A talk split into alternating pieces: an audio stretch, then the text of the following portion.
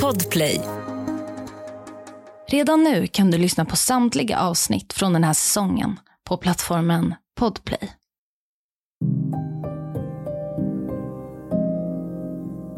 Mikael och Lindy åker iväg på en campingutflykt med sina två söner och deras nio veckors gamla bebis, Asaria.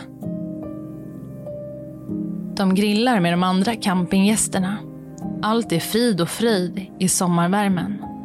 Men plötsligt så hörs det ett skrik från ett av tälten. Det är Lindy som skriker att en dingo har tagit hennes bebis. Och frågan är, är det verkligen den där dingon, också kallad vilthund, som tagit Azaria? Eller är det någon annan som ligger bakom försvinnandet? Du lyssnar på Jakten på mördaren med mig, Saga Springhorn. Dagens avsnitt kommer att sticka ut lite från tidigare fall. Jag rekommenderar er verkligen att lyssna klart på hela det här avsnittet. För det här är ett avsnitt som verkligen får en att fundera. Jag vill varna för grovt innehåll.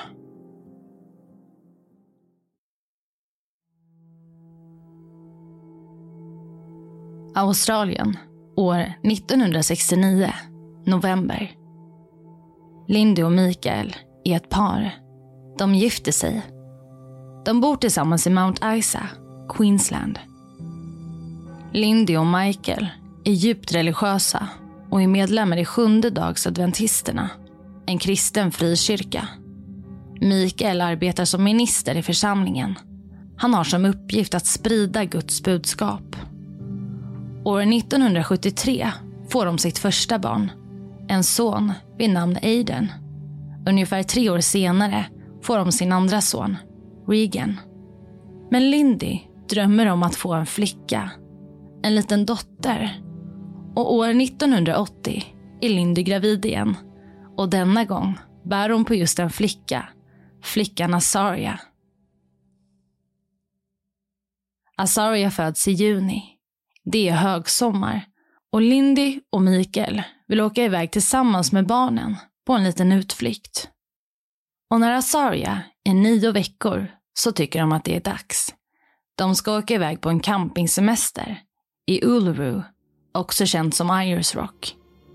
Den 16 augusti anländer de. De sätter upp sitt tält och börjar utforska området. Mikael tar med sig sönerna, som är lite äldre, för att utforska den stora klippan. Lindy rosar runt med sin dotter Azaria Dagen har blivit kväll. Människor på campingplatsen samlas för att grilla ihop. Sally Lowe är på semester med sin man. Paret samtalar med Mikael och Lindy. Stämningen är på topp och alla verkar njuta av den goda maten. Runt klockan åtta går Sally iväg med sopporna. När hon vänder sig om ser hon att en dingo går efter henne. En dingo är en vildhund i Australien. Den ser ut likt en räv. Dingo är vanligtvis ett skyggt djur.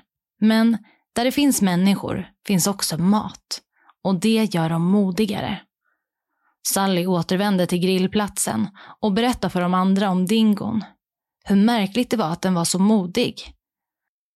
Väl vid grillplatsen är det fler kampare som ser dingos. Dingos som strosar runt för att få tag på lite mat. Mikael är fascinerad av dingon. Han kastar mat till den. Lindy ber honom att sluta. Azaria börjar bli trött och Lindy bestämmer sig för att bädda ner Azaria i sin bebissäng i tältet. En stund senare kommer Lindy tillbaka till grillplatsen. Azaria sover i tältet Likaså sonen Regan. Tältet ligger några meter ifrån grillplatsen, inom synhåll. Grillkvällen fortsätter. Men plötsligt hör man hur en bebis gråter. Det måste komma från tältet. Lindy skyndar dit och ser hur en dingo springer ut ur tältet. Deras tält. Lindy går in i tältet och ser blod på flera ställen. Helt oväntat ser de andra campinggästerna hur Lindy kommer utspringandes från tältet. Hon skriker och säger att en dingo har tagit hennes bebis. Mikael tänker att allt är fånigt, att Lindy överdriver. Men när han kommer till tältet och ser att Azaria är borta förstår han liksom hon att något hänt med deras dotter. Lindy är förtvivlad och börjar leta efter Dingon och Azaria.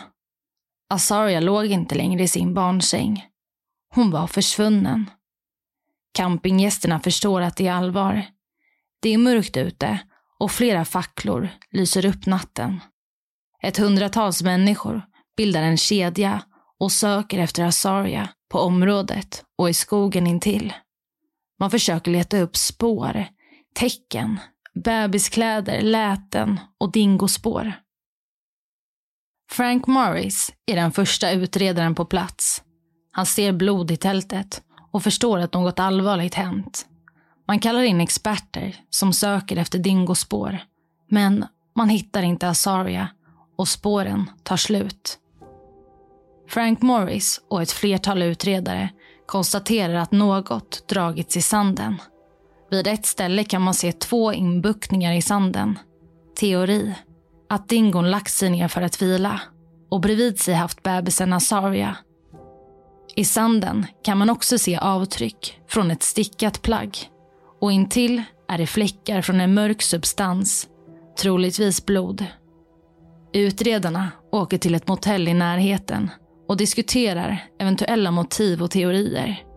Några av dem tror att Lindy ligger bakom dotterns försvinnande. De tänker att det är orealistiskt att ett skyggt djur som en dingo skulle våga sig in i ett tält som varit omgivet av människor. Dessutom tänker man sig att det inte var möjligt för en dingo att bära en bebis på fem kilo. En vecka efter Asarias försvinnande är några turister ute och vandrar. De ska fotografera blommor. Men plötsligt får en av dem syn på något ovanligt. Man finner en trasig blöja och en bebis jumpsuit. Cirka tre mil från campingplatsen. Blöjan och jumpsuiten ligger på ett stenblock. Jumpsuiten är blodig och trasig. Frank Morris kommer till platsen han plockar upp jumpsuiten och inser snart att det där borde han inte gjort.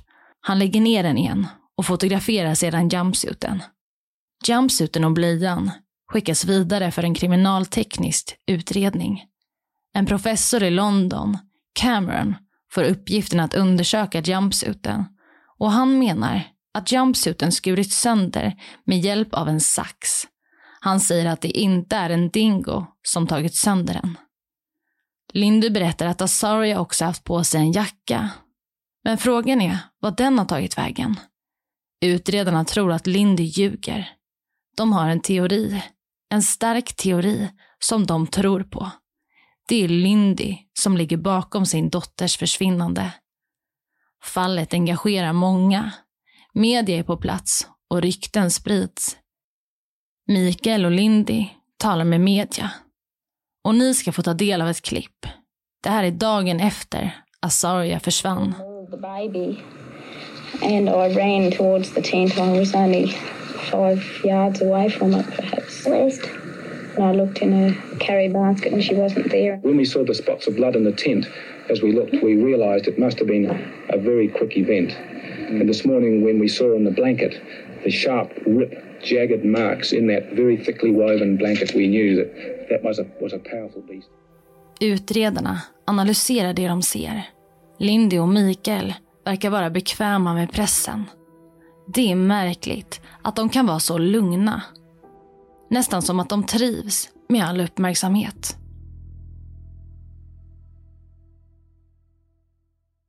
Ja, hörni. Polisen tror att det är mamma Lindy som ligger bakom allt det här. Och den där jumpsuiten som hittas har massa blod på sig. Och framförallt runt halsområdet. Och man konstaterar också att den här jumpsuiten inte rivits sönder av en dingo. Utan det ska ha varit en sax som gjort sönder jumpsuiten. Lindy säger att det fattas en jacka. Azaria hade på sig en matinéjacka och kanske kan det finnas saliv på den här jackan från dingon eller dingohår som kan bevisa att så faktiskt är fallet. För när man undersöker jumpsuiten så finner man inga spår efter en dingo, vilket är märkligt om det nu är så att en dingo har tagit Azaria. Nu undersöker man också familjens bil och det är en chockerande upptäckt. Man hittar bevis på att Azaria har halshuggits i bilen. Labbtekniker misstänker att flera mörka fläckar i bilen är blod och slutligen kan man konstatera med säkerhet att det är blod i bilen. Man har hittat så kallat fosterblod eller fosterhemoglobin. Och det är blod som finns i bebisars kroppar upp till att de blir sex månader gamla ungefär. Det här blodet hittas bland annat under instrumentbrädan i bilen och blodet har runnit ner vid framsätet och sprutat. Så teorin är att Lindy har satt sig i framsätet och halshuggit sin bebis. Och man tycker att man har starka bevis för det här. Dels jumpsuiten där det är främst blod kring halsområdet. Men sen också de här sprutstänken. Alltså allt stämmer överens med polisens teori. Och det här fosterblodet det hittas på 22 ställen i bilen. Det är alltså viktiga och starka bevis. Man hittar också blod på familjens kamerafodral och på en sax i bilen. Man tänker sig alltså att Lindy tagit med Azaria till bilen då hon sagt till campingsällskapet att hon skulle gå och lägga Azaria i tältet. Och under den här tiden hade hon då halshuggit Azaria och sen lagt kroppen i kamerafodralet. Och det här fallet blir enormt uppmärksammat i media. Människor analyserar den informationen som kommer ut via pressen. Och som ni kanske minns så var Mikael och Lindy medlemmar i en frikyrka. Och det här är en ganska kontroversiell kyrka. Och det här började ju spekuleras i. Mikael var ju dessutom minister inom församlingen i den här kyrkan och kanske var det religionen som låg bakom Asarias försvinnande. Vissa menade att familjen var en del av en sekt och offrade Asaria. Och några människor som känt och träffat familjen tar kontakt med media och berättar att de alltid klädde Asaria i mörka kläder. Det är något som man då tänker skulle antyda till att de skulle offra henne. Ja, det här går väldigt långt och det är mycket anklagelser, mycket spekulationer. Men allt är bara dravel. Vi går vidare. Utredarna har vid flera tillfällen intervjuat människor som var på campingplatsen då Azaria försvann. Polisen som intervjuar personerna säger att de inte vill höra massa trams om någon dingo. De arbetar för att sätta dit Lindy. De säger också att det bara är en tidsfråga innan Lindy erkänner. Men Sally, som varit på grillplatsen när Lindy kommer tillbaka efter att hon nattat Azaria, säger att hon hörde Azaria gråta efter att Lindy kommit tillbaka till platsen. På så vis hade hon inte kunnat döda henne. Mikael och Lindy medverkar i intervjuer. De vill berätta sin historia om vad som hänt. Vi lyssnar till en av intervjuerna. I've got to ask you this. I have, from a police source, been told that there is no way a dingo could have taken your child.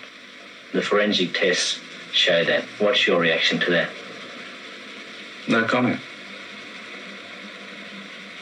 Is there some other story? Could could an Aboriginal lady have your child? No. It was definitely a dingo. We stand by our story. Where the clothing was found and the way it was arranged on the ground, it couldn't have been a dog. But we know nothing of this. Nor do the police on the case. So directly after this interview, I'm going to ring the police. I want to know. Well, I can't divulge my source. Well, I'm going to ring them very shortly. Journalister säger att han har en källa inom polisen som säger att det omöjligt kan ha varit en dingo som tagit Azaria. Mikael och Lindy säger att de håller fast vid sin historia. Journalister säger att kläderna som hittats hade legat snyggt upplagt på en plats i skogen. Mikael vill veta vem källan inom polisen är. Men journalisten kan inte lämna ut den informationen. Mikael och Lindy reser sig upp och lämnar rummet. Det är uppenbart att flera medier och journalister har tagit ställning i fallet. Men det finns också de journalister som tror på Lindy och Mikael. Det är många som lägger sig i utredningen och fallet, inte minst journalister. Det ser ut som att utredarna har gjort extremt många misstag. Vi hör Myra Fogarty. Hon är en av polisens kriminaltekniker och hon har utrett fallet med Azaria. Do you have any idea what you were dealing with? Not at first, no. You know, I wasn't sure about the case. I, I didn't. I had no nothing to guide me apart from what I read in the newspapers, and So you had to rely on the newspapers to carry out your forensic investigation, yes, to write a report yes, for the Northern Territory Police Force. yes. Myra säger att hon inte hade någon vägledning i fallet. Hon fick gå på det som stod i pressen. Den rättsmedicinska undersökningen var således baserat på pressens information. Men borde det inte ha varit tvärtom? Pressen borde ha gått på polisens information. Mycket av det som skrevs i pressen var rena spekulationer och många har i efterhand beskrivit det som att stora delar av nyheterna kring fallet var vinklade för att få Mikael och Lindy att se skyldiga ut. Myra var den som undersökte brottsplatsen och samlade in viktiga bevis. Hon hade arbetat som kriminaltekniker i tre månader. Myndigheterna tvingas göra en skadekontroll. Man samlar ihop nya utredare som ska undersöka Azarias försvinnande på nytt. Och de, precis som den förra utredningsgruppen, kommer fram till att Lindy är den skyldiga. Lindy och Mikael hade levt ett helt vanligt liv. Men nu var de kända. De var tidigare ostraffade, hade inte varit drabbade av psykisk ohälsa. Och Lindy hade ju så gärna velat ha en flicka. Varför skulle hon mörda Azaria?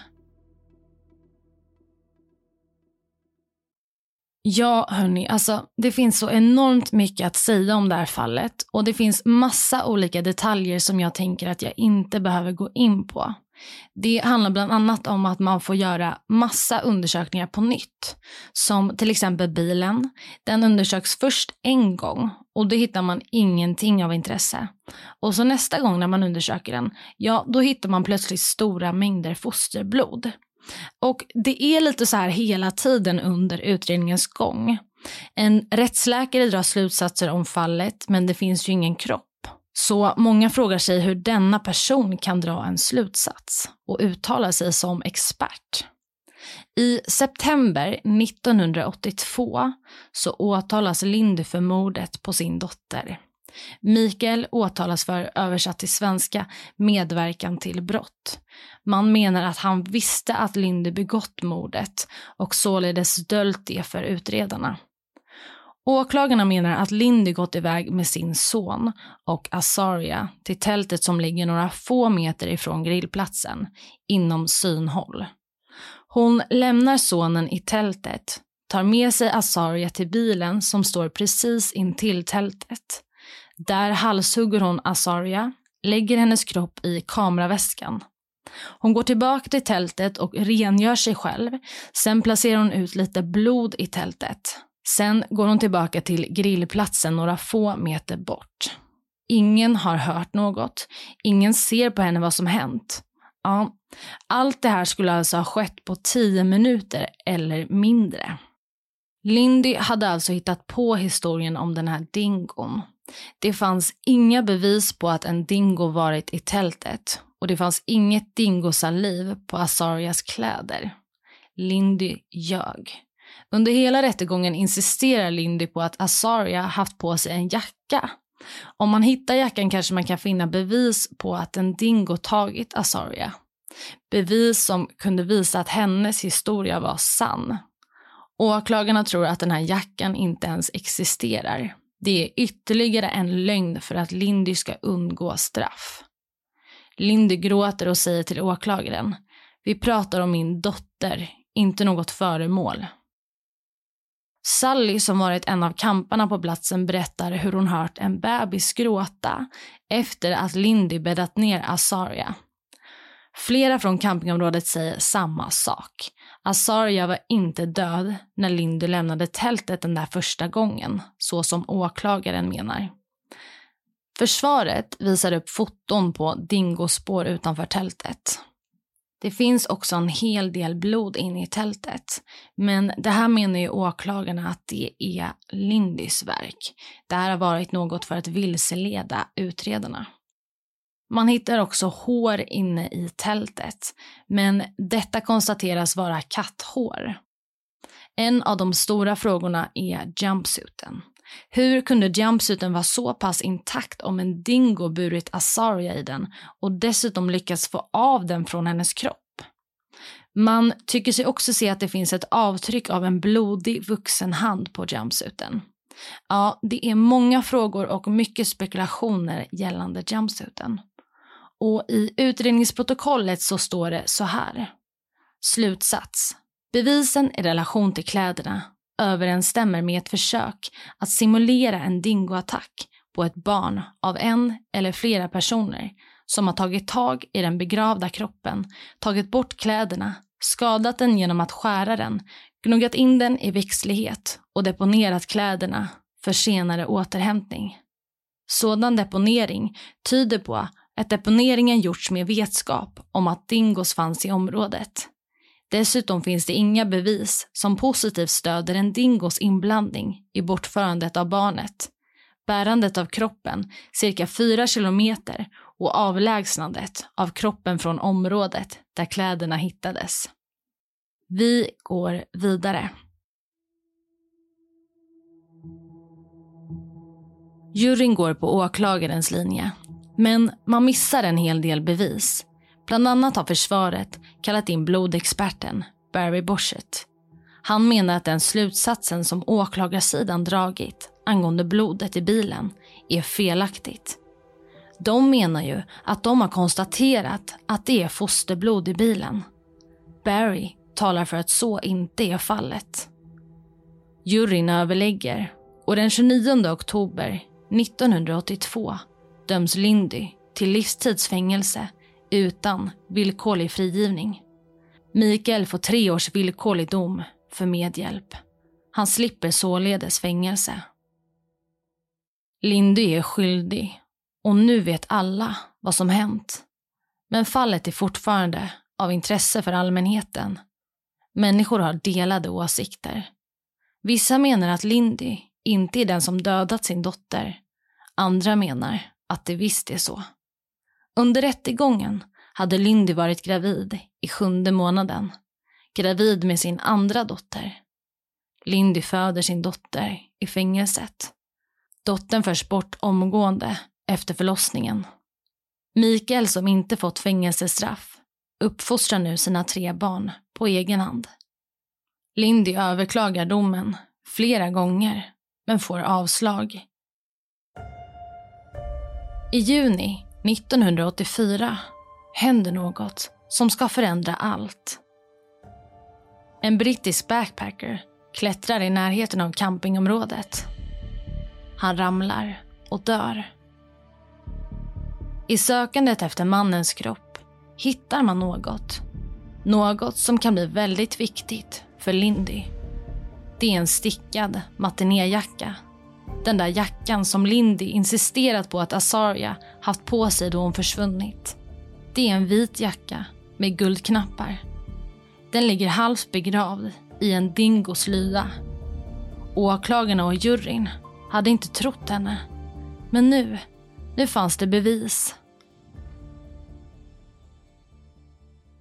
Jackan undersöks och det visar att den har liknande snitt på sig som jumpsuiten. Den där jackan visade nu att Lindy talat sanning och sex dagar senare släpps hon från fängelset i väntan på en ny utredning. Allt ska undersökas på nytt. Bristerna har varit många och viktigast av allt är att undersöka de fysiska fynden. Och det ska snart visa sig att hela grunden till den gångna rättegången varit falsk. Polisen hade hittat hår från ett djur i både tältet och på Azarias kläder. Men som tidigare nämnt bedömer man att det här är katthår, inget annat.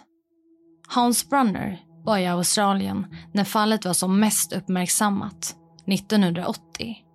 Han är en expert när det kommer till hår från däggdjur. Han hade till och med skrivit en bok om just det. Han ringer till utredarna och berättar om sin expertis. Han vill gärna undersöka det så kallade katthåret som de funnit. Polisen säger att Hans inte får komma och undersöka håret. Lindy var skyldig. Det spelade ingen roll. Ja, alltså, ni har ju hört genom hela det här fallet att det är mycket som inte står rätt till. Utredarna, kriminaltekniker, läkare, ja, det är många som gör misstag efter misstag. Det här är en rättsskandal måste man ändå säga. Jag har ju tidigare berättat om blodet i bilen som man konstaterat är fosterblod. Mm, det kommer fram nu att det inte stämmer. Några av de här blodfläckarna i bilen som man tidigare har då konstaterat är blod visar sig nu vara milkshake, koppar och damm. Familjen bodde i gruvstaden Mount Isa och den där Barry, experten inom blod som jag berättat om tidigare, han har tänkt att det här med gruvstaden, det kanske är något som påverkar ändå. Alla kemikalier från gruvarbete och så vidare. Och jag tänker inte att vi ska gå in allt för mycket på det tekniska, men summa summarum så åker Barry till Mount Isa, där paret bor och allt han testar i staden reagerar som när man testar blod. Alltså det får ett positivt utslag. Och det här dammet som kommer från staden finns överallt i bilen.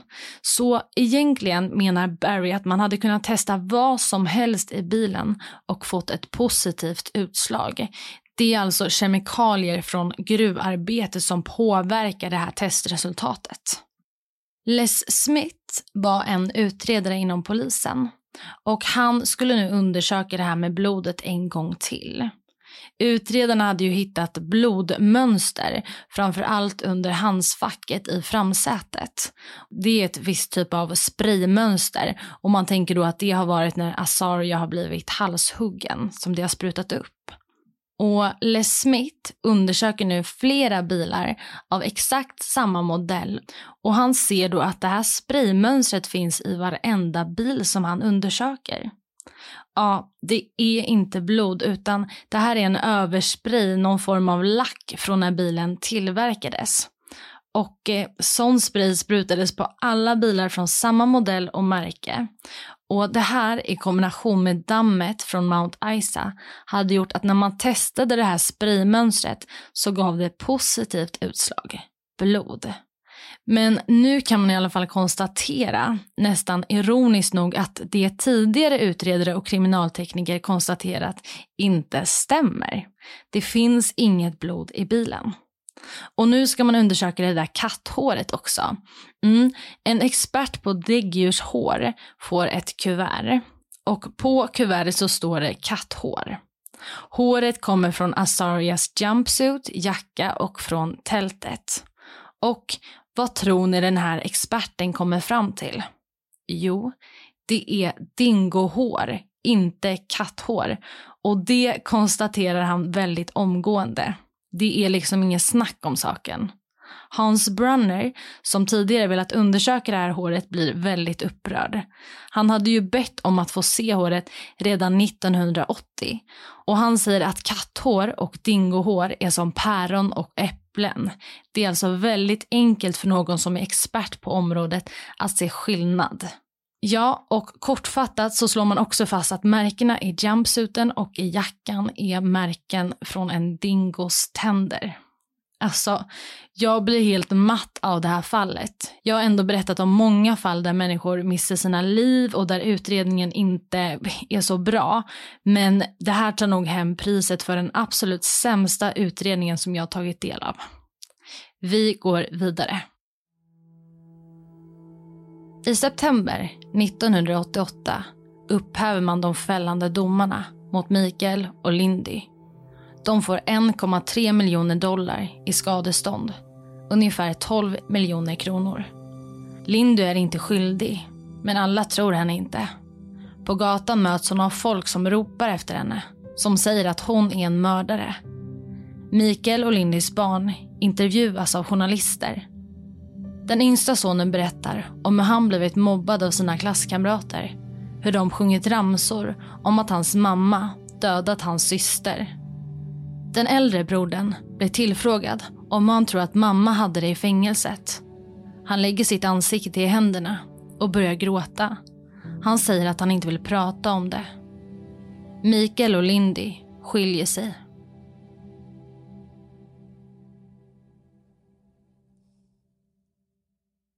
År 2012. Det har gått flera, flera år sedan Azarias försvinnande. Och efter flera undersökningar och förhör ändrar man nu Azarias dödsattest.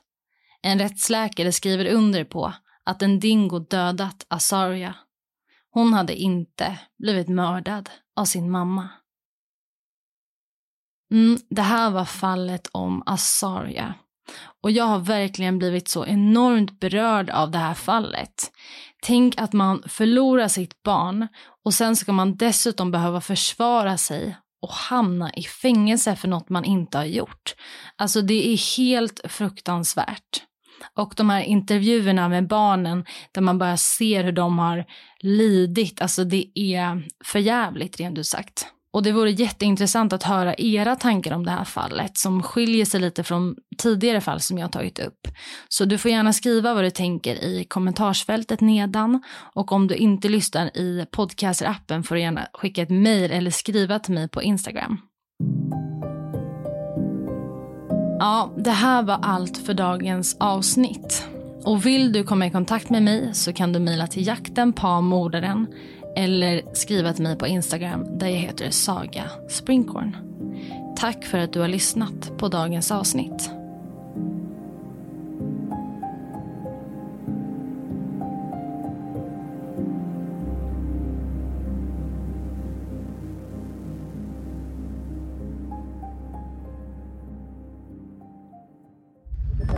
Podplay, en del av